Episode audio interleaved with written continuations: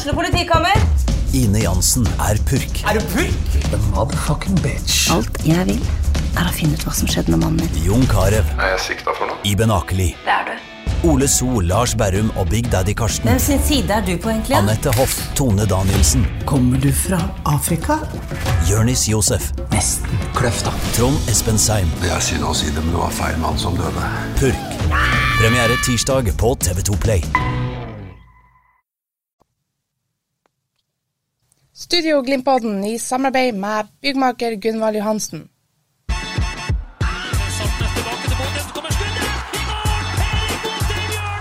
It's more difficult for us than for Bodo Boys.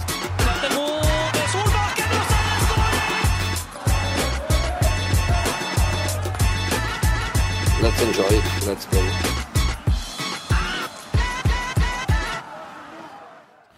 Hjertelig velkommen til en ny episode av Studio Glimt-podden. Eh, jeg er Markus Rask Jensen. Med meg på, eh, fra hotellrommet i Zagreb så har vi Freddy Thoresen, som har vært ute i den store verden for å følge Bodø-Glimts eh, siste hinder på veien mot Champions League. Det hinderet ble akkurat litt for høyt, Freddy. Hvor var det det skorta, for å begynne der?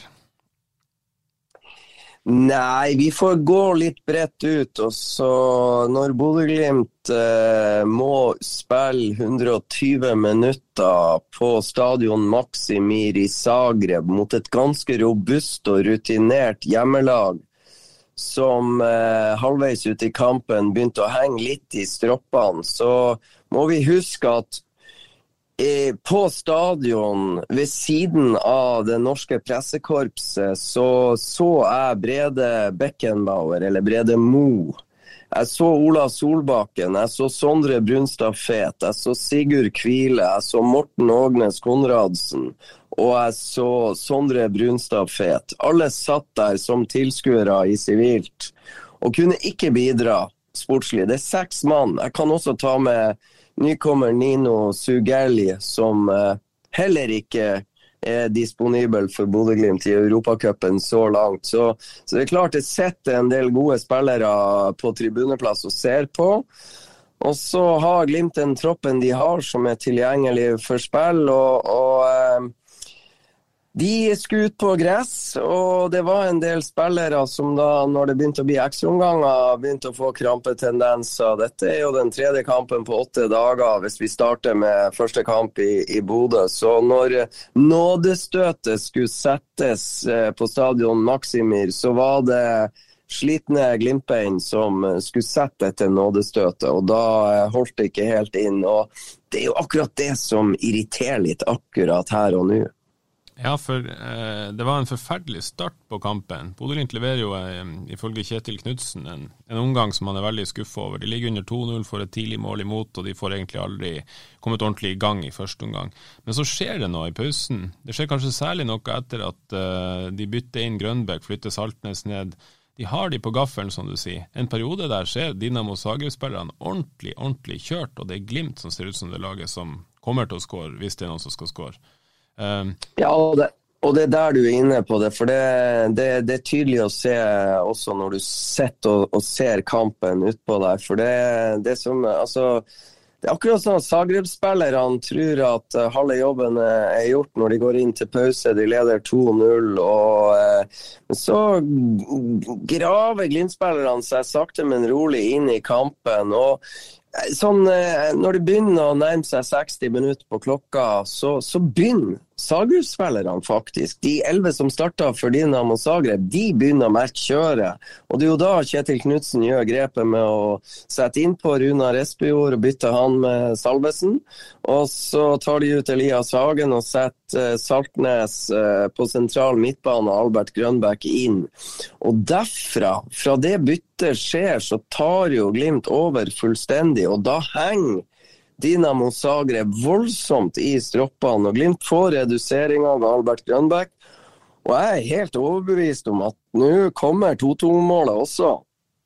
Men eh, Dinamo Zagreb holder unna, og er heldig egentlig som eh, For det, det, var ganske surrealistisk å se på et hjemmelag som ligger der, og, og de, de ligger jo sånn som motstanderlag gjør på Aspmyra på egen hjemmebane og forsvare eget mål. Og det er trangt, men det er ganske nært flere ganger at Glimt kommer eh, helt fri. Så jeg er hellig overbevist om at 2-2-målet skal komme, og at de skal avgjøre etter 90. Men det som da skjer eh, når eh, dommer blåser av og det blir ekstraomganger, så kan jo Ante Kasic, treneren til um, Dinamo Zagreb, sette inn spillere med rutine og robusthet fra dette nivået. Det kan jo ikke akkurat Kjetil Knutsen. Og på et eller annet merkverdig vis så, så, gir på en måte Glimt ifra seg det initiativet de hadde den siste halvtimen av andre omgang. Mm. Og Da er det jo Sagre plutselig som egentlig ser ut som, som de kan komme til å skåre. Og som du sier, De byttene de gjør, de setter inn et par spillere som er med å, så er med å snu kampbildet. Bytta litt sentralt på midtbanen, får inn en ny venstrekant. og og, eh, og, da blir det rett og slett det eh, blir tøft. Men, men, likevel, når det er tre minutter igjen um, det er tre minutter igjen, og det går mot en straffesparkkonkurranse. Man kan jo mene hva man vil om hvem som ville vunnet den. Uh, men er du forbausa over at Bodø-Glimt ikke har mer, uh, ja, mer kynisme, rutine, uh, i et sånt scenario? For det er jo tre ja. minutter unna en straffesparkkonkurranse om Champions League, altså. Jo, jeg syns, jeg syns, det er et godt spørsmål, men eh, vi har nå vår egen Studio Glimt på det her, så vi kan jo bruke Vi har jo litt tid og plass, men, men de eh, elleve eh, som står på banen på to og et halvt minutt, tre minutter før slutt, altså 117 minutter har vi passert, mm. så er det Nikita Aikin i mål, han har rutine. Så er det Alfons Samsted, høyre back. Så er det da Ulrik Saltnes som er nede, etter min vurdering. Det er den første gang han spiller midtstopper i år, tror jeg selv om han har erfaringer og rutiner, så, så står han da i, i, sin tredje posisjon for denne kampen. Han starta på indre, nei, venstre indreløper. Eh, spilte en lang periode sentral midtbane. Og på dette tidspunkt så er han høyre midtstopper sammen med Marius Høybråten. Og så er det unge Ask Kjerransen Skau som eh, står på venstre back. På midtbanen har du Albert Grønbæk fra høyre. Du har Gaute Vetti som ikke har vært på banen siden bortekampen mot HamKam for en tid tilbake. Og så må jeg tenke hvem du har som Anders eh, Konradsen. Så har du, så har du Anders Ågnes Konradsen på, på venstre indreløper. Og, og, det er også en stund siden Anders eh, spilte mye. Eh, og helt på topp så har du Gilbert Komson. Eh, en sliten Runar Espejord og en veldig sliten Amal Pellegrino. Sånn at Glimt avslutter kampen med fire spillere som spiller i sin vante posisjon. Et Glimt-lag som under Kjetil Knutsen sin ledelse, og det må vi på et vis ha respekt for, er det én ting, ting han har vært nådeløs med, så er det jo at han har kjørt elveren sin gang på gang, altså sin foretrukne elver, gang på gang på gang på gang. Også hjemme på lørdag mot HamKam, så kjører han de samme elleve som start starta tirsdag mot Dinamo Zagreb i Bodø, og de samme elleve som starta kampen på stadion Maximir. Så jeg syns det er litt vanskelig å kritisere Kjetil Knutsen for de valgene han har gjort, så, sånn sett, for det har skapt så enormt mye suksess for Bodø-Glimt. Men det er klart, sett i etterkant så skulle jeg ønske, og helt sikkert også Kjetil Knutsen, ha ønska at han har sluppet de her som står når eh, fra det 150. til det 120. minutt på stadion Maximir, at de hadde hatt litt mer erfaring og rutine til å stå imot. For det, det, det, er noe med manglende samhandling, det er noe med manglende kynisme. Og det er nå bare å tenke på Kamptrening. Første, Kamptrening. Du ser det er mange rustne der òg som Helt klart. Og, og, det er nå bare å se på de elleve som starta kampen. De framsto jo ikke med den kynismen vi trenger, og, og den pondusen og den gutsen. De sto jo som hjelpeløse sauer de første ti minuttene og lot hjemmelaget ta fullstendig kommandoen, og det er det jo ingen grunn til. Så, så det å tro at de uh, Altså, vi så hvor vanskelig det var for de elleve som starta de ti første minuttene, og ikke minst egentlig hele første omgang.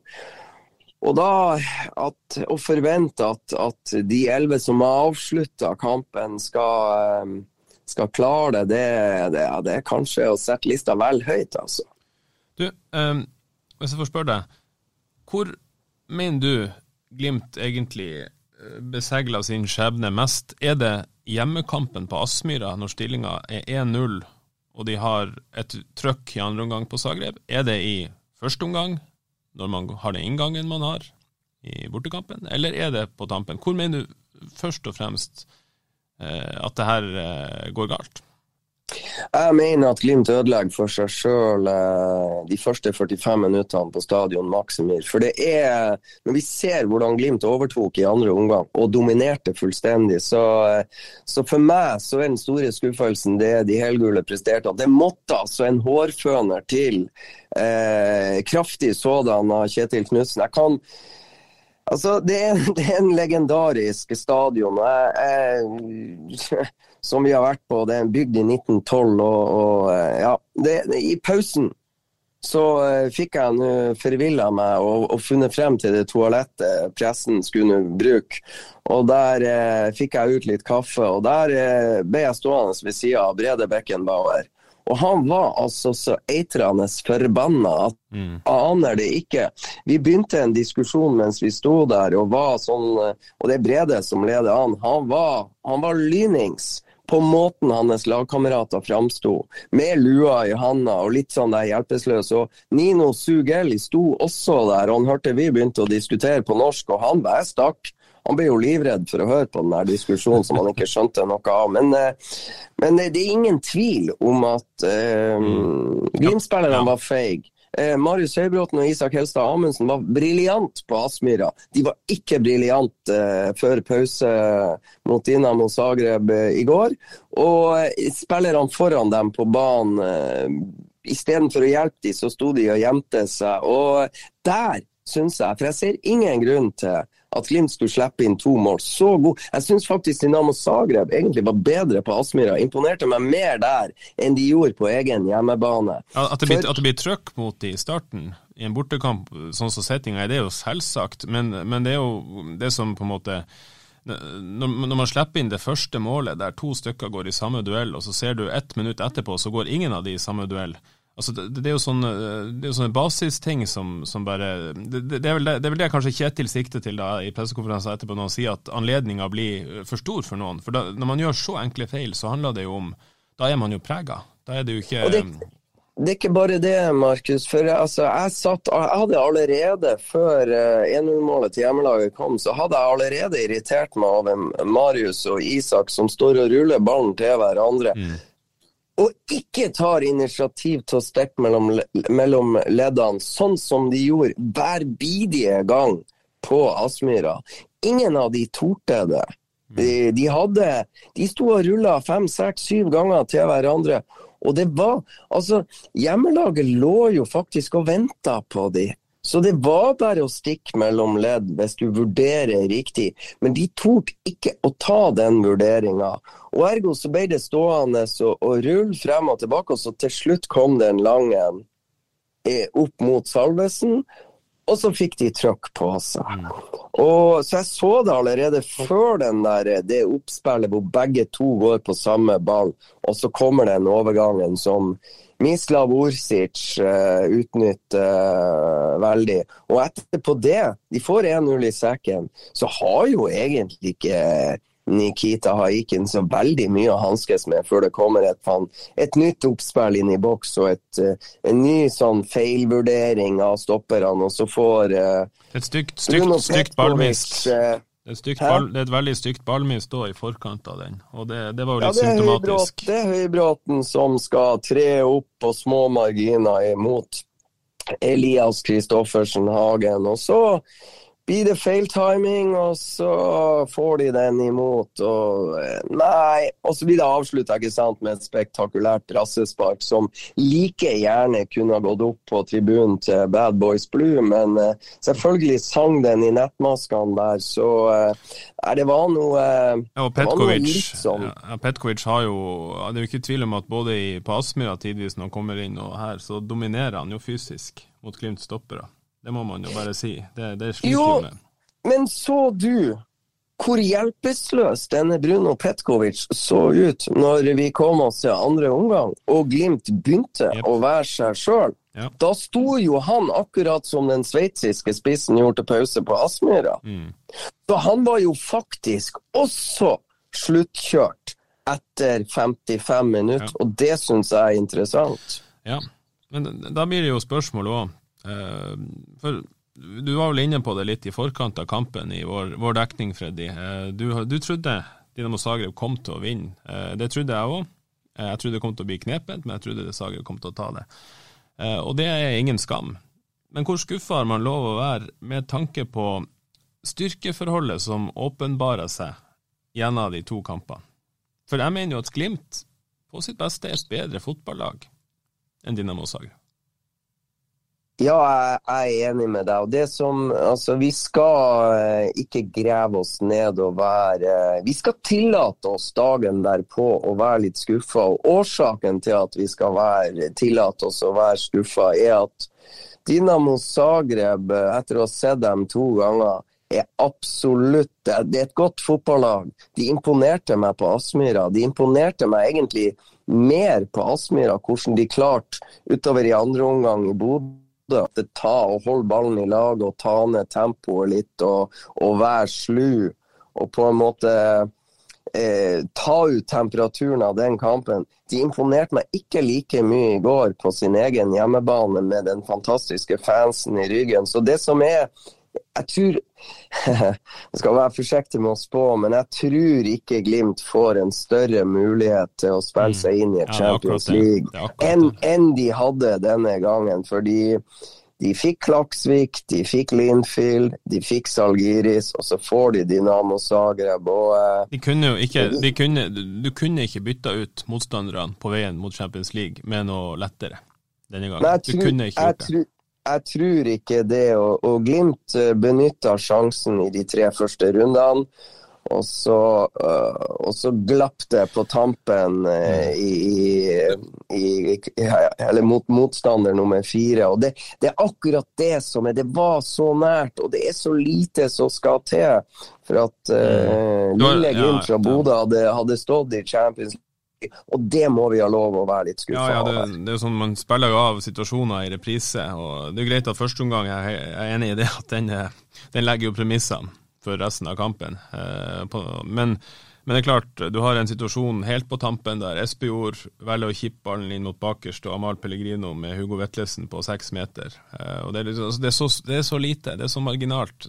Går det valget annerledes, så er det 2-2, og det er over, og det det er Champions League. Og som du sier, det er vel lov å vel lov å, å dvele litt, lite grann, i dag for Glimt-supporterne eh, ved disse situasjonene. Ja, og så, så er det nå sånn. Det er nå det her som er jobben vår. Så man er med Glimt i medgang og motgang. og Det er nå vår jobb å sette fingeren litt på det vi reagerer på. Så er det andre ganger å, å, å eh, peke på hvorfor de har hatt den enorme suksessen de har hatt. Men eh, så det er klart vi må ha lov å være litt skuffa over, over diverse valg. Og det var eh, Altså jeg ble kjempeimponert over måten de snur det Mm, på ja, utover i andre omgang. Og på en måte har Zagreb så til de grader på gaffelen. Jeg trodde det var over ved pause. Jeg trodde det, Ja. at det her er gjort. sant? Nå blir det å Ja. ebbe ut. Så måten de tar tak i kampen, snur det Jeg må, eh, jeg må, jeg må si også en detalj vi har snakket om før, men, men jeg mener jo at midtbanen til Glimt ganske fort nå kommer til å bestå av Ulrik Saltnes, Hugo Vetlesen og Albert Grønbæk. Jeg mener den må det. Jeg vet ikke du, hvordan du Ja, vurderer det. eh, jo, men, jeg- men jeg er enig med deg og, og i det at det, det er veldig fristende. Men må, en ting som skuffer meg, Markus. Eh, vi ser at eh, Glimt får fornya kraft med Espejord og Albert Grønberg Mm. inn. Og danske Grønbæk eh, viser hva som bor i han når han reduserer til 2-1 etter 70 minutter. Men jeg må si, han kommer ifra eh, sesong med AGF Århus. Og jeg må si måten Albert Grønbæk forsvinner på ut av kampen altså, det, altså han var god, han var med fra det 60. til det 90. Men i ekstraomgangene så ikke jeg Albert Grønbæk.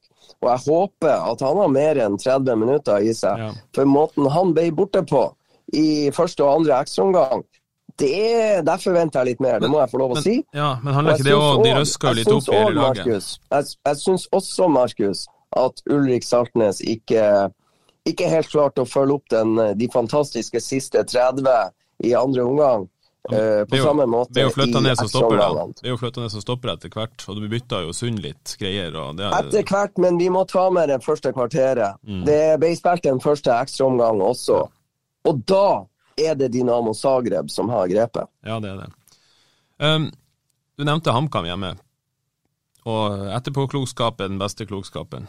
Uh, hvor lurt var det å kjøre samme elver? Jeg vet at Glimt har gjort det mange ganger før, men med tanke på om man skal inn i en avgjørende Champions League-kvalik, hadde det vært bedre å ha litt mer punch, litt mindre saft i beina, altså litt mindre slitasje i beina eh, på de spillerne som kom til å bli avgjørende i Zagreb? Ja, altså, jeg skal peke på noe um, som uh, går på første kamp mot Dinamo Zagreb som du også så. Jeg hadde meg en prat med Marius Høybråten dagen etterpå på Aspmyra. og Marius Høybråten og Isak Helstad Amundsen de stupte imellom ledd så mange ganger de første 45 minuttene at sånn etter en, etter en rundt halvtime spilt på Aspmyra, så måtte Marius Høybråten gi beskjed til Isak Helstad Amundsen at uh, Isak, vi må hvile. Vi må hvile med ballen her. Jeg har ikke krefter til å stupe i mellomledd hver gang. Så tenk på at stopperne til Bodø-Glimt eh, Isak Helstad Amundsen hadde vel uh, flest touch på ballen i den kampen der fra Glimt-spillere. Og Marius Høybråten nummer to. Og, og de, de, bruker enorme krefter i den kampen der på å sette i gang Glimts offensiv. Og det er klart, eh, vi må Altså Det bakteppet syns jeg er interessant, uh, med tanke på at de også da står hele kampen mot uh, HamKam.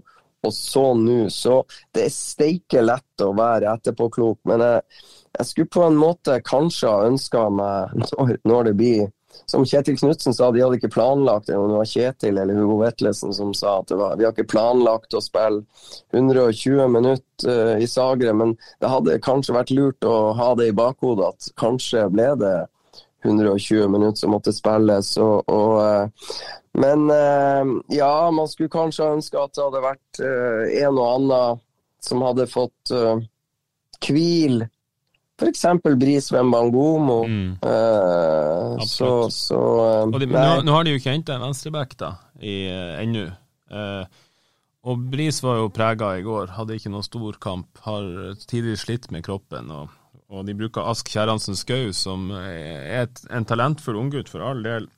Men de bør ikke være avhengig av han, og det får vi vel dessverre Vi får vel dessverre betalt for det da, når 3-1-skåringa går inn. Der er jo han involvert, i hvert fall, med negativt fortegn. Eh, så det er jo òg det. Eh, du, du, nevnte stall, tropp.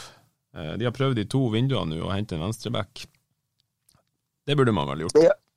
Ja, du kan si de har henta 18 år gamle Lukas Kuber fra uh, Sintrøyden, som har spilt eh, i hvert fall de to siste, om ikke de tre siste kampene på B-lag. Han var i tropp, jeg så han varma opp, og jeg begynte å lure på er dere så tøffe at dere hiver han innpå.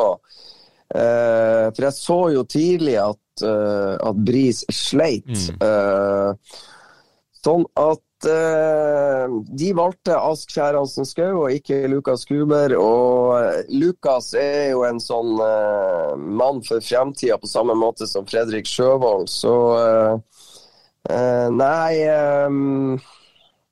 jeg vet ikke, det, det, det, var i hvert fall for urutinert og for lite samhandling i de, i de elleve som avslutta kampen for Bodø-Glimt. Og det var det som gjorde at uh, hjemmelaget med, med, langt mer rutine og bredde i sin tropp uh, til slutt fikk justert det inn sånn som de ønska. Og, og, det er jo det. Ja, det er jo det som er litt sånn der uh, irriterende akkurat nå. Men jeg, igjen, jeg syns det er vanskelig å kritisere for mye. Mm. Men det er klart, eh, skal man eh, Det hadde gått an å, å, å justert litt i den HamKam-kampen. Men igjen så ble den også litt jevnere enn eh, en Glimt ønsker, og de ønsker å konkurrere på to fronter. De ønsker å konkurrere i Eliteserien, og de ønsker å konkurrere i Europa. Det er denne veien som har gjort at de har kommet så langt som de har kommet. Og så, så er det som Kjetil Knutsen sier, this is the Glimt way. Det er sånn vi gjør det. Mm. Stå i det, og så blir det opp til de andre å ta opp hansken, sånn som Isak Helstad Amundsen faktisk har gjort.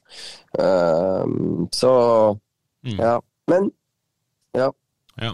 Det er uansett, det er jo, det er jo helt absurd å sitte der og, og diskutere hvor skuffa man har lov å være etter å ha tapt en Champions League-playoff. Det er jo Europa League til høsten, og det skal vi selvfølgelig komme nærmere inn på. Studio Glimpodden i samarbeid med byggmaker Gunvald Johansen. Saltnes tilbake til Motheim, kommer skuddet! I mål! Erik Botheim gjør det! Ja, Freddy, det er trekning til Europa League. Vi må jo se litt fremover også, og, og, og det var jo også lyspunkter absolutt i løpet av gårsdagens kamp. Du nevner snuoperasjon mentalt, at man faktisk styrer andreomgangen. Vi har jo vært inne på Albert Grønbæk, så hvis man var i tvil om, om potensialet eller um, kvalitetene han besitter, så fikk vi jo eh, eksemplifisert det. Ikke bare på skåringa, han har jo en involvering rett før der, når han flikka en ball rundt og er i ferd med å spille Jan Espejord. Eh, så, så det, det, er jo absolutt positive ting. Men jeg har lyst til å spørre deg, og du var på pressekonferanse i går. Du, du, hadde kanskje, du, du sier du snakka litt med Brede Moe, du, du, observerte kanskje et og annet rundt uh, hvordan Glimt-spillerne tok det her i ettertid. Uh, hvordan, hvordan fremstår de etterpå? Hvordan, uh, hva, hva, tror du de tenker nå? Nei, altså, jeg tror, jeg tror de, de, trenger litt tid på å fordøye akkurat det her. For jeg tror også de føler på akkurat det samme som Glimt-fansen og, og, vi. Eh, og det at det var veldig nært. Eh, de sitter vel ikke med en følelse at de tapte mot et lag som er steike mye bedre enn dem sjøl. Så de sitter nok med, igjen med en liten sånn der følelsen de ikke helt klar, altså muligheten de ikke helt klarte å gripe. Amahl Pellegrino var sønderknust. Han er 32 år. Han har bøtta inn 19 mål vel på eller eh, hvor mange, hvor mange, mål er det han har i Eliteserien? Jeg tror det er 19 på 17, er det ikke det? 19 på 17, 19 på 17 kamper. Jeg glemte at han har stått For jeg mente han har bare spilt 17, ja, og Glimt har spilt 19. 19 mål av Amahl Pellegrino, 32 år. Han er, han er tidenes toppskårer i Europa for Bodø-Glimt med ni mål. Han har vært i Bodø litt over eh, ett år, sant? Nei, han, har vært i Bodø i ett år. Tidenes toppskårer. For han så var jo det her den store, ja, siste muligheten til å få lov å vise seg frem på den største scenen i internasjonal fotball. Og det tror jeg Amahl hadde ustyrlig lyst til å få lov å gjøre med sitt kjære Bodø-Glimt. Og mange andre Glimt-spillere. Så i går ja, var de ganske skuffa. Freddy, jeg må plukke deg opp der. Tror du Tror du at, de, at, jeg, at Amahl eksempel, eller Kjetil Knutsen, for, for, vi snakka litt om det her tidligere. Det, her, det, skal, det, det, er vanskelig å se for seg en større mulighet på en måte til å gå inn i Champions League. Uh, og Glimt skal jo, Nå må de jo først og fremst vinne serien i år for å få muligheten neste år, f.eks. Uh, tror du at, at det, er en tanke som slår enkelte, slår Kjetil Knutsen, slår Amahl Pellegrino, at this was the moment, liksom? Nei, det slår Amahl Pellegrino, Markus, fordi at han er 32 år. Mm. Han er 32 år, har kontrakt med Glimt ut året. Mm. Men ikke sant, han er jo ikke dummere, han er jo like rutinert som, uh, som meg og deg i forhold til det vi gjør. Men han vet jo det at hvis OK, blir han i Bodø neste år, så uh, må jo Glimt ha seriegull for at han skal få en ny mulighet til å være med på Champions League-kvalik, sånn i utgangspunktet. Så Amahl tror jeg føler veldig på at dette er muligheten. Men for andre spillere som er mye yngre, så, så tror jeg jo de tror at uh, altså Albert Grønbæk er 21, og han uh, har jo signert drømmeovergangen sin til Bodø-Glimt. Så han har jo planer om å vinne uh, nye seriegull med Glimt og får muligheten til kanskje en gang i fremtida å spille Champions League-kvalik igjen, men ikke Amahl Pellegrino. Det, han var i hvert fall sønderknust. Og, og jeg snakka med TV 2-folket som fikk intervjuene etterpå, og, eh, de syns det rekte synd i han. Så sønderknust var han. Men, men, det er klart de kommer til å heve seg, eller de kommer til å riste her av seg. Det blir tøft mot Jerv til helga, men uh, de kommer til å slå tilbake for oss. Og de kommer til å glede seg over trekninga som skjer fredag, og begynne å bygge opp mm. uh, spenning, forventning, krefter og, og formutløsning til en fantastisk høst i Europa League. Og eh, får bare håpe da Det tror jeg også Glimt-spillerne håper, at de slipper Roma og at de slipper Salgiris i gruppa. For det ville jo vært litt kjedelig. Ja, det er litt antiklimatisk. Men uh, Kjetil, vi snakka om han. På, han, han framsto jo, og han la jo ikke skjul på det heller, at han var skuffa i intervjuet etter på pressekonferanse. Og, og, han var mest skuffa kanskje over at Glimt, eh, som vi har snakket om, ikke greip helt den anledninga som lå der. Hvor raskt er han oppe på hesten? Hvor raskt tenker han Jerv nå på lørdag? Og um, Du har jo sagt det før i poden at, at der Lege Warszawa-tapet i fjor det, det har sittet i litt. Uh, og kanskje har det vært en drivkraft for inn mot i år? Ja, det, det, har jo irritert Kjetil Knutsen uh, siden det tapet skjedde, fordi han følte at Legia Warszawa var hakket bedre forberedt på Glimt enn Glimt var på Legia Warszawa. Mm. Og det har Kjetil Knutsen bestemt seg for. Det skal aldri skje igjen.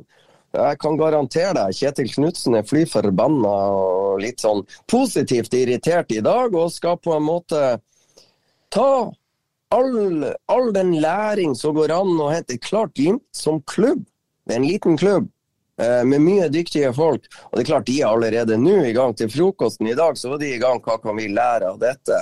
Og det kommer de til å gjøre, og det kommer de til å jobbe med. Og det kommer de til å, til å vri og vende litt på, på, sine egne tanker for å finne ut hva kan vi lære, og, og hvordan kan vi angripe utfordringen for å lære mest mulig fortest mulig. Og det er de i gang med nå allerede, det kan jeg garantere deg. Mm. Så du tror ikke at skuffelsen sitter i veldig lenge for de fleste? Jo, skuffelsen og irritasjonen kommer til å sitte der, men hodet har jo plass til ganske mye rart. Så de kommer til å være irritert og skuffa, men, men, det der, de, de er proff, og de garanter, de klarer å tenke to tanker samtidig og på en måte drive den der skuffelsen og irritasjonen på en positiv måte til hvordan de hurtigst mulig skal ta lærdom av, av opplevelsen. Tror du dette er eh, positivt eller negativt med tanke på kampen om seriegull? Glimt har jo litt um, Sånn som situasjonen er nå, så er det vel ganske opplagt at Glimt har ikke råd til så fryktelig mange feilskjær ut sesongen. Og Molde hjemme i neste hjemmekamp er vel en sånn must win-kamp hvis man skal diskutere seriegull. Eh, tror du det her kan eh, snus til noe positivt, eller tror du det vil være en, eh, ja, noe de på en måte At det kommer en bakrus etter det her? Nei, jeg tror uh, Jeg har Jeg tror uh, jeg er mest spent på uh, kampen mot Jerv. Mm. Det er den eneste kampen jeg ser at uh, en viss sånn faremoment med at uh, det kan være et snev av skuffelse rundt. Men jeg føler meg rimelig sikker på at uh, høsten kommer til å bli Det kommer til å være et kraftfullt Bodø-Glimt som kommer til å, å gå på banen på mange arenaer, altså i Europa League og i Eliteserien utover høsten. Og, og, det er klart det er ei gruppe som begynner å bygge robusthet. Og forhåpentligvis så kommer Brede Beckenbauer og, og bli skadefri og, og, bli en del av både treningshverdagen og også potensielle kamptropper for eh, Kjetil Knutsen. Det kommer folk inn. Nino Sugelje en spennende høyrekant som kan avlaste Joel Mbuka fremover. Eh, Joel er ung eh, og, og uh, kan trenge et lite pust i bakken i ny og ne. Så de kommer til å få mer slagkraft. De skal konkurrere på to arenaer. Og det, de andre eliteserielagene som avskriver Bodø-Glimt, ja, da tror jeg tenker dere om flere ganger. Fordi de har mer skyts å komme Og de løste det meget bra i fjor. og Jeg forventer at de kommer til å løse utfordringen steike bra også høsten 2022.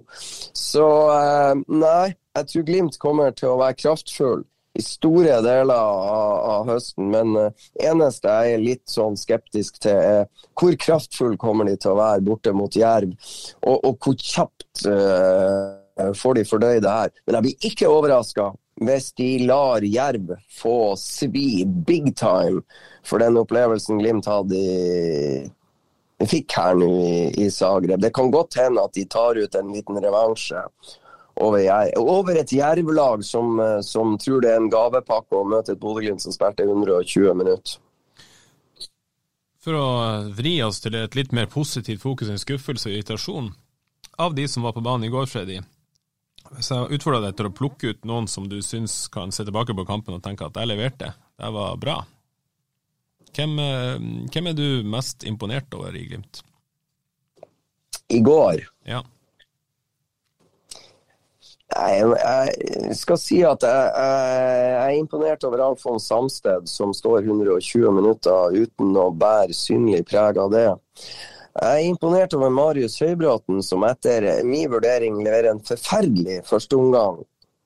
Blir bedre og bedre og bedre utover i kampen.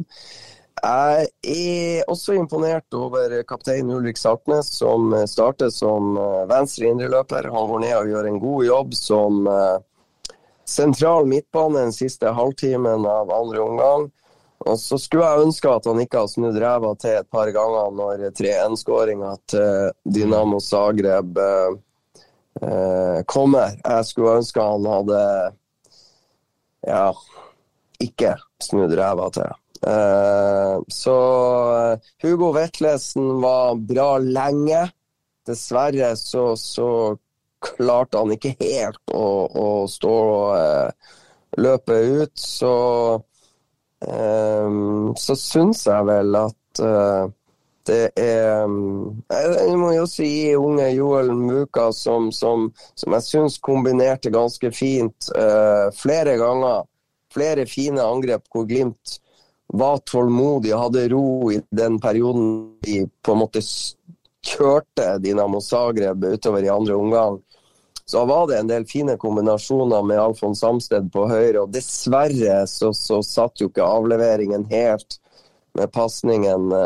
Også blir jeg imponert over 32 år gamle Amahl Pellegrino, som står 120 minutter. Det forteller alt om viljen hans. Men uh, det ble ikke helt Amahl sin kamp. Og det var det bare én ting jeg skulle ønske meg, så var det at Amahl hadde fått igjen den sjansen han fikk på Aspmyra, som han setter ti centimeter utafor venstre stolpe. Hadde han fått én sånn mulighet i andre omgang mot uh, Dinamo, så tror jeg han har pælma ballen i nettmaskene bak Bad Boys Blue. Så dessverre fikk ikke Amahl helt fritt leide og avslutta, så Men uh, da tror jeg jeg nevnte de som jeg syntes var positive. Mm. Også, også, også, Isak Amundsen spilte seg jo også opp etter en forferdelig første omgang.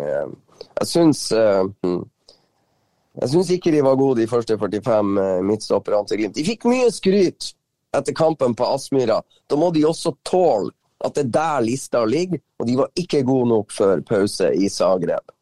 Ja, jeg vil jo kanskje òg trekke fram vi har snakka litt om det, men Grønbæk selvfølgelig med målet, men ikke bare målet. det er også den der, altså, han, han, han, gir på en måte retning. Han er veldig framovervendt, veldig uredd type. Så det gir jo et sånn dimensjon når han kommer inn. Og så syns jeg Runar Espejord uh, i hvert fall er med i fighten her om den spissplassen, med det han leverer i, i, i, i ordinær tid, i hvert fall. Og så, så slukner jo han òg etter hvert. Men jeg syns det var mye positivt fra, fra Espejord. Helt enig. Den, den, halvtimen fra han kom inn til, til, Det ble vel 96 minutter før vår venn fra Spania blåste av etter ordinær tid. Men, ja, du, hvor, da, det må vi også si, Freddy. Hvor, altså, hvor god har dommerne til, i de her to kampene vært? Altså, la hos, det, vet det er jo et nivå som er helt vanvittig. Altså, den, den dommer, de dommerne som uh, dømte Bodø-Glimt uh, på Aspmyra mot Dinamo Zagreb, det tror jeg er de beste dommerne som ever har vært på kamp på Aspmyra. Og så var det fascinerende å se spanjolen som eh, vi alle på en måte har sett på TV. Han er så iskald og lar ingenting påvirke seg i eh, heksegryta i Zagreb. Så det, det må jeg si. Det eh, Jeg tenker, bare sånn med all respekt eh, Markus, så, så, tror jeg at de som styrer dommerstanden i Norge, kan på en måte bare sånn ikke bare sånn slå fast at dommerne i Norge er gode. Det er en grunn til at uh, jeg, jeg, håper vi, mens det er viktig for norske lag å, å komme seg inn i, i Europacupen, så tror jeg også det er viktig for norske dommere å komme seg ut internasjonalt og mm. få dømt. Og det er ikke så mange som gjør det. Nei. Og det er uh, forskjell. En del, det er forskjell. En del mm. yngre dommere som, som kanskje kan klare det frem i tid, men, men uh, jeg tror litt mer ydmykhet for de som styrer dommerstanden i Norge. For nå har vi fått lov å se hvor jækla gode, gode dommere er på den internasjonale arenaen. Så vi må også få norske dommere ut og opp og frem. Så eh, det, det, var fantastisk å se på i de her to siste kampene. For det var, det var veldig lite å klage på, det må jeg si. Mm. Og full kontroll på kampen òg. Sklir alle ikke i nærheten av å skli ut. Så det er jo um, Ja, nå har vi fått det også. Dommerskryt i Studio Glimt-podden. Hva blir det neste? Ja, men altså, det, det, det var forferdelig. Men jeg må si uh, han, han eh, spanjolen uh, i Zagreb, han, han, gjør jo litt mer ut av seg. Det er litt fakta, det er litt kroppskontakt, og det, det er, jo, det er jo underholdende og moro ja, å se på. Ja, men, jeg, men, jeg, må si nederlenderen på Aspmyra, det er noe av det mer suverene jeg har sett ever. Mm. For han har jo en litt annen stil, men du på en måte du bare Altså, Det er jo ingen som tør å prate med ham. Så steike kontroll har han. Det er en sånn autoritet og en sånn der aura. Så det, det, det, det blir bare rett. Ja, og det funka jo, ja, det funker jo når du har så kontroll over det som foregår på banen òg, for med deg. Eh, det er ikke mye han bommer på, for å si det sånn. Så da, da, da går det an å få å kjøre en autoritær stil. Vet, vet, du, Markus, det er nesten sånn at det er stilig å se dem varme opp når du er så gode dommere. Så patetisk. Du ser jo under oppvarminga Fy faen, de er gode! jeg, skal, jeg, skal, ta den før hver kamp nå, så skal vi prøve å gjøre vurdering av hvor god dommertrioen er før kampstart. Ja, Studio Glippodden i samarbeid med byggmaker Gunvald Johansen. Saltnes tilbake til Botheim, så kommer skuddet! I mål! Erik Botheim gjør det! Det var ikke meninga å uh, avbryte Freddy med litt, uh, litt, reklame. Det er litt sånn når vi er inne med, på, på linje fra Zagreb, så er det litt delay av og til. Um, men eh, vi må snakke litt om det som skjer eh, fredag. Da skal altså, Det er historisk, det òg. Da skal det trekkes et Europa League-gruppespill. Jeg skal lese opp noen lag i rangert orden, tror jeg, sånn høvelig i hvert fall. Eh, og så kan du nå høre. Manchester United, Roma, Arsenal, Lazio, Braga, Røde Stjerne, Dinamo Kiev, Feinor, PSV, Renn, Real Sociedad, Monaco, Karabag, Betis, Midtjylland, Bodø-Glimt, Union Berlin, Freiburg, Nans, Sturmgras, Union Saint Gilois i Belgia og Trapsonspor. Nå er det vel noen av de her som røyk i går, faktisk, eh, og er uaktuelle, men det var, det var skrevet før gårsdagen. Men det er, det er, noen, det er noen klubbnavn her, og noe historie og noe historikk som, eh, som det, kan bli Det kan jo være lurt å lure seg en tur på Aspmyra, kanskje, for en og annen bodøværing i høst. Ja, altså de eh, Jeg tenker at det eneste fornuftige nå er jo bare, for de som kan og har råd, det er jo bare å kjøpe seg billett til samtlige tre kamper, uansett hvem pokker de Bodø-Glimt kommer til å trekke.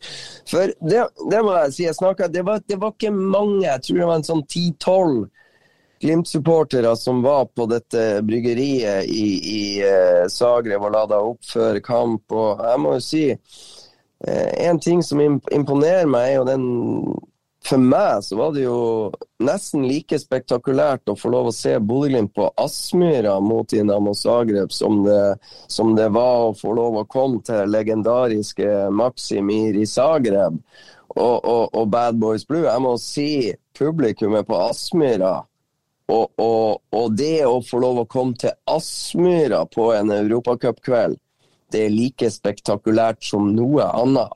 Så eh, oppfordringa mi får være har dere mulighet, sikre dere billett nå før trekninga. For du trenger ikke å vite hvilke lag Bodø-Glimt skal møte. Du bør bare være på Aspmyra. Mm, og selv i, eh, i gåsøya, de, eh, de, minst attraktive lagene her, det er jo lag på et nivå som Glimt veldig sjelden i sin historie har eh, målt krefter med. Nei, altså, jeg kommer aldri til å glemme første gruppespillskamp for Bodø-Glimt hjemme mot Soria Luhansk. Og eh, stemninga, følelsen, euforien i det Ulrik Saltnes vel hedde inn eh, ledermålet. Det var vel 0-0 til pause, og så så er Ulrik Saltnes og Hede inn 1-0 til, til, Glimt på Aspmyra i en historisk første gruppespillskamp mot Soria Luhansk. Og ja, vi vet at Soria Luhansk for en tid tilbake hadde slått Leicester. Men altså, det er jo ikke akkurat en sagnomsust europeisk motstander som var på besøk på Aspmyra da. Så um, Nei, det, det, blir tre fantastiske kvelder på Aspmyra uansett hvilken motstander er.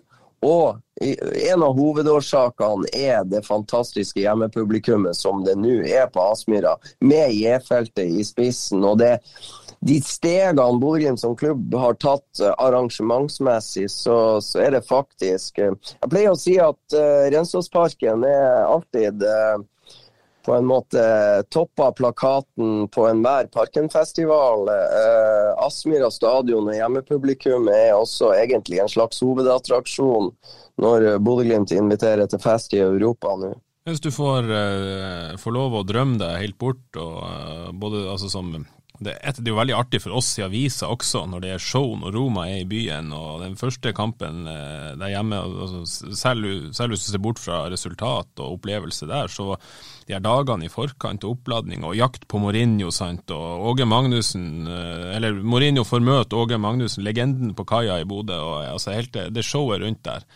Det er jo litt altså, Kommer Manchester United eller Arsenal eller eh, Real Sociedad eller hvem det skulle være for noe, Monaco, Betis, så kommer sånne lag, så blir det jo show. Det blir jo eh, sirkus. Ja, altså det blir jo fantastisk, og det er jo lov å drømme. altså... Men hvem du håper mest på? Eh, hvem er altså, drømmemotstanderne altså, dine? Nå vet ikke jeg Jeg skulle gjerne ha sett litt sånn rangerte potter, men fra pott én Jeg vil tro at Manchester United og Arsenal er i pott én. Roma og Lazio er vel òg der. Hæ? Roma og Lazio Roma og er vel òg der. Ja, nei, men eh, Det er mange United-fans i Bodø, det er mange Arsenal-fans. Jeg må jo si at drømmemotstanderen min vil, fra pott én vil være Arsenal. Rett og slett for å få se Kegsportsgutta Ivar Thoresen og Per Nyhagen. Hei! På Bodø-Glimt mot sitt kjære Arsenal. For en eller annen merkelig grunn så er det mye Arsenal-fans i byen. Og får lov å se de vri seg og for første gang skal se sitt kjære Arsenal og håpe at de skal tape. Bare det syns jeg er dritskøy å få lov å se litt på nært hold. Men Arsenal eh, vil jeg foretrukke fra pott én, og så, så blir jeg ikke sur, sur hvis det blir Manchester United eller Lazio. Du har jo eh, fra pott to altså du har jo lag som du har jo Dynamo Kiev er vel der, Feinor, PSV. Eh, Real Sociedad, personlig må jeg si, eh, Real Sociedad med bortetur til San Sebastian hadde jo vært eh, litt av en opplevelse for Glimt-supporterne. Og, og, det er jo en klubb med, med veldig, veldig tung europeisk historie. Eh, så har du jo sånn eh, Nå vet jeg ikke hvordan pottfordelinga blir endelig, men Union Berlin f.eks., som jo visstnok skal være en helt fantastisk borteopplevelse på stadion i, i, den tyske hovedstaden. Det, altså, sånne ting hadde jo òg vært, vært, stas. hadde jo det. Så har du eh, eh Union, da. Eh, laget til Victor Boniface, hvis man er ute etter en gjenforening.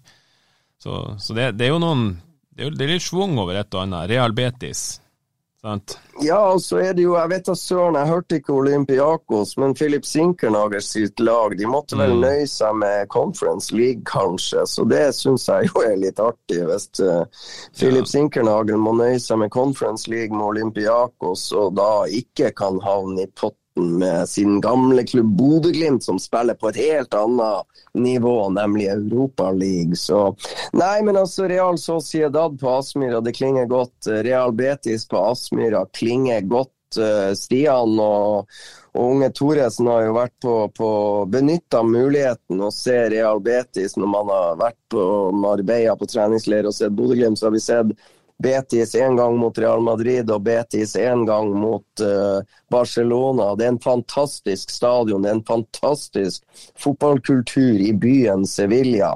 Så, så der er det jo sånn at enten så er du født Sevilla-supporter, eller så er du født Betis-supporter. Så det, det, er et fantastisk stadion og en fantastisk by. Så Bodø-Glimt uh, til Sevilla, det hadde vært tøft. Uh, ja. Hvis jeg skulle velge, så hadde jeg vel kanskje valgt Betis istedenfor Sociedad. Men begge to, det er bare takk og bukk. Det kan vel bli sånn, det, det skal jo spilles noen kamper i kveld eh, i playoff til Europa League. Det er jo torsdagskamper der, og der er det jo Der har du jo Olympiakos er vel der. Du har Malmö, eh, så det er jo noen lag der. Og du har Gent, selvfølgelig, med Jens Petter Hauge. Du har Fenerbahçe, som jo klinger godt. Så det er ja. Det hadde, det hadde, vært artig, Markus. Med drømmetrekninga hadde jo vært Olympiakos med Filip Sinkernagel, Gent med Jens Petter Hauge, og så er det vel ingen tidligere Glimt-spillere i pott 1, så eh, ja. Men det hadde, hadde vært kult å, å se Filip Sinkernagel tape på Aspmyra med Olympiakos. Og ja, det hadde vært kult å se Jens Petter Hauge tape for Gent på Aspmyra. Og så nevnte du jo Cakesports-gutta, men du har jo meg og Stian Høgland som selvfølgelig vil bli satt i en skvis, en ganske enkel skvis hvis man trekker Manchester United, for da er jo vi nødt til å heie mens Isak Helstad Amundsen kler av Cristiano Ronaldo i minusgrader og pissregn i november. Det kan jo være ganske artig. En annen ting som er litt sånn der uh, artig, Markus, er at jeg sitter med en sånn her feeling. Alle de her lagene som man har nevnt her, så, så sitter jeg med en sånn her naiv følelse at hvis Bodø-Glimt kommer opp på det nivået, finner den der eh, krafta som vi vet de kan ha på sitt aller, aller beste, det forventer jeg at de kommer, de kommer til å komme dit i løpet av høsten.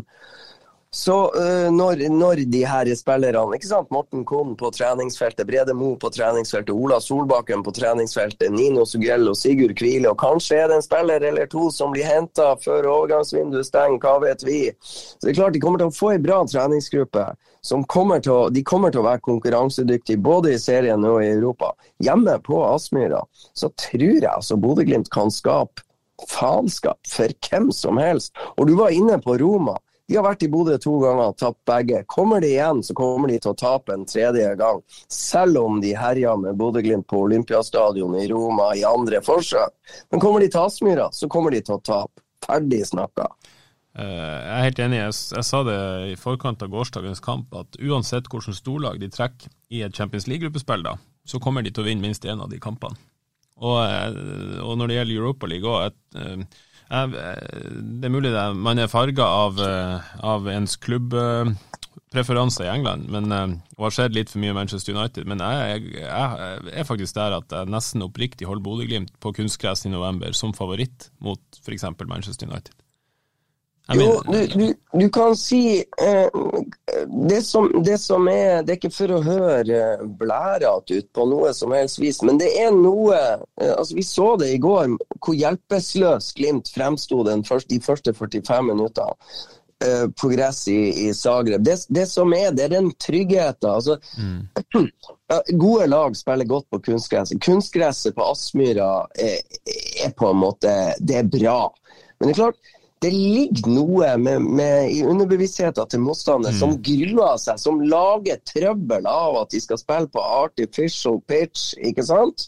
Mm. Det er en fordel Bodø-Glimt at motstanderen, uansett om det er United eller Arsenal eller Lazio, kommer til å være opptatt av dette. Redd for, redd for skader, si sant. De er redd for å få skader. Og de, og, altså, kommer, en, kommer, Cristiano Ronaldo til å godta å spille, f.eks., altså for å ta den helt ut? Altså, det er jo sånne ting, og det, det kommer til å være et tema. Du vet at det kommer til å være et tema, og det er en stor psykologisk fordel. Jeg syns kanskje til og med en litt undervurdert psykologisk fordel, det kunstgressunderlaget og, og, hele det greia med at de må over polarsirkelen. Og, altså det Glimt hjemme, det, det, er ikke en kamp noen av de her klubbene gleder seg til.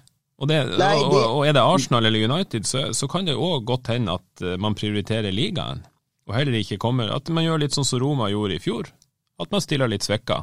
Og det er alle muligheter, altså. Ja, og poenget er òg at det er ikke første gang det er kunstgress på internasjonal fotball. Der er russiske topplag og den slags som har tatt imot storheter på kunstgress hjemme på sine respektive hjemmebaner. Og så, så eh, det, har, det, det, spilles på kunstgress, det er aksept for det.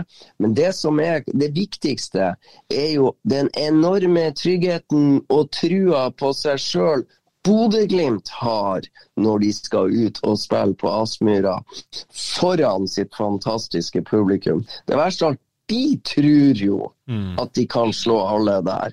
Og Det er jo det som er så nydelig. Glimt-spillerne har den der selvtilliten og trua på egen arena, mens motstanderen, det vet de, de kommer til å grue seg og lage føss og problemer med at det er artificial grass. Og totalen der er jo med på å styrke den trua på at Glimt kan slå hvem som helst av de lagene eh, vi har snakka om. Men det er et veldig sterkt felt. Eh, de, for å si sånn, de dårligste lagene i Europa League, hvis du, hvis du, prøver å analysere deg frem til forskjellen på Conference League og Europa League, så er det at de dårligste lagene i Europa League er veldig mye bedre enn de dårligste lagene i Conference League. De aller beste lagene er ikke så enormt stor forskjell på. Eh, Roma i fjor, Roma i år i Europa League, det er ikke sånn vanvittig forskjell. Eh, men, de, men du, du, du, får ikke du får ikke det bunnivået, mener jeg, når jeg ser på denne lista med, med lag. Hvordan vurderer du hvordan vurderer du muligheten for at Glimt kan ta seg videre fra et gruppespill?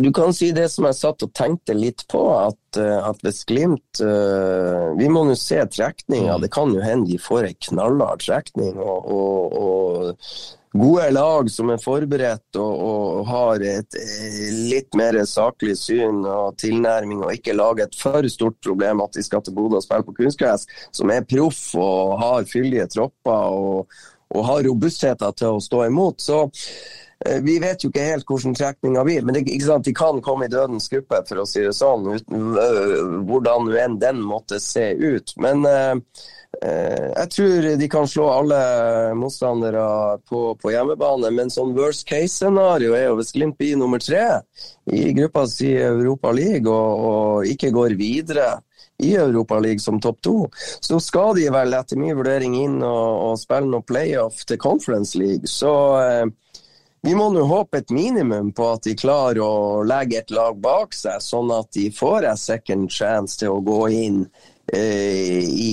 i, et slags playoff i Conference League. Hvis ikke de skulle være gode nok Hvis ikke tre hjemmeseiere skulle holde til å gå videre da i Europaligaen, så håper at det holder til å gå videre og få lov å få en mulighet i AZ Alkmaar kom vel ned fra Europaligaen og fikk møte Bodø-Glimt. eh, Eh, i Conference League ikke sant, og ble utslått. Så vi får håpe at eh, i hvert fall Bodø-Glimt minimum gjør som Aset, kommer seg videre og får møte et lag fra Conference League, for så å sende dem ut.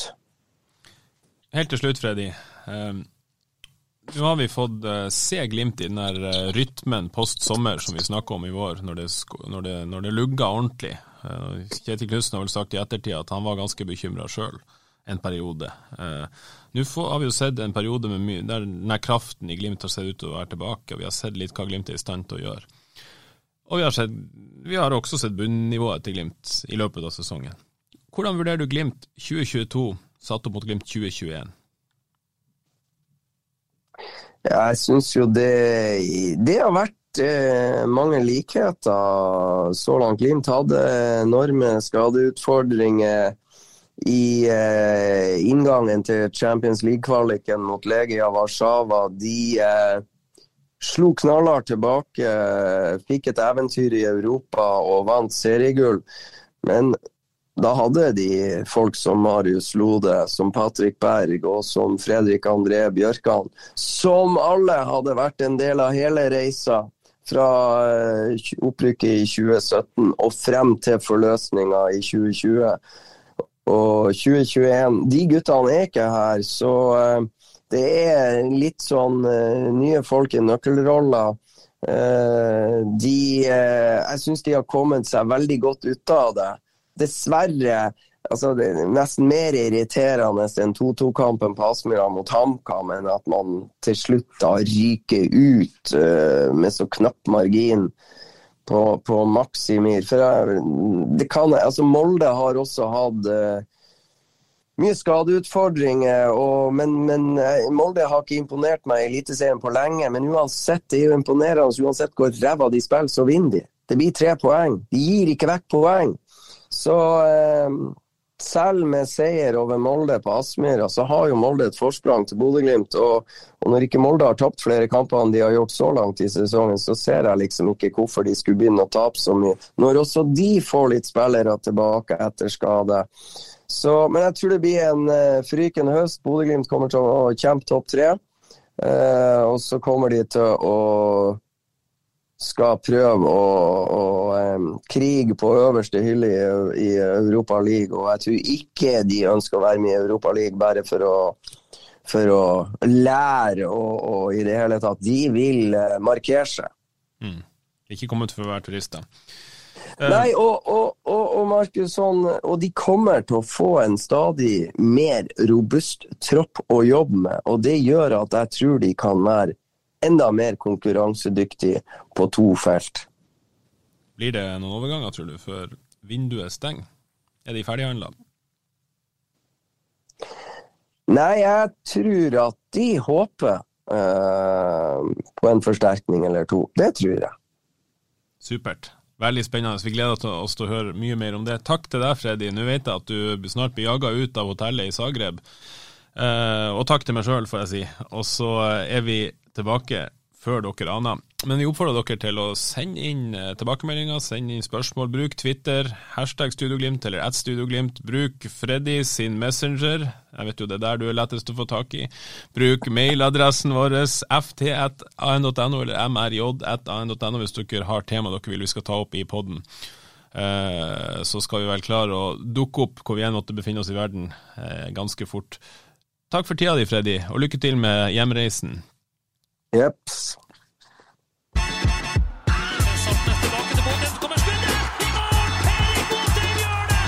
more difficult for us than for Boys.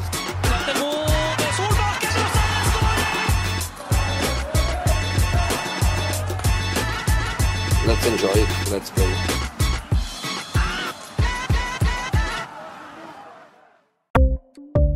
Ukens annonsør er HelloFresh.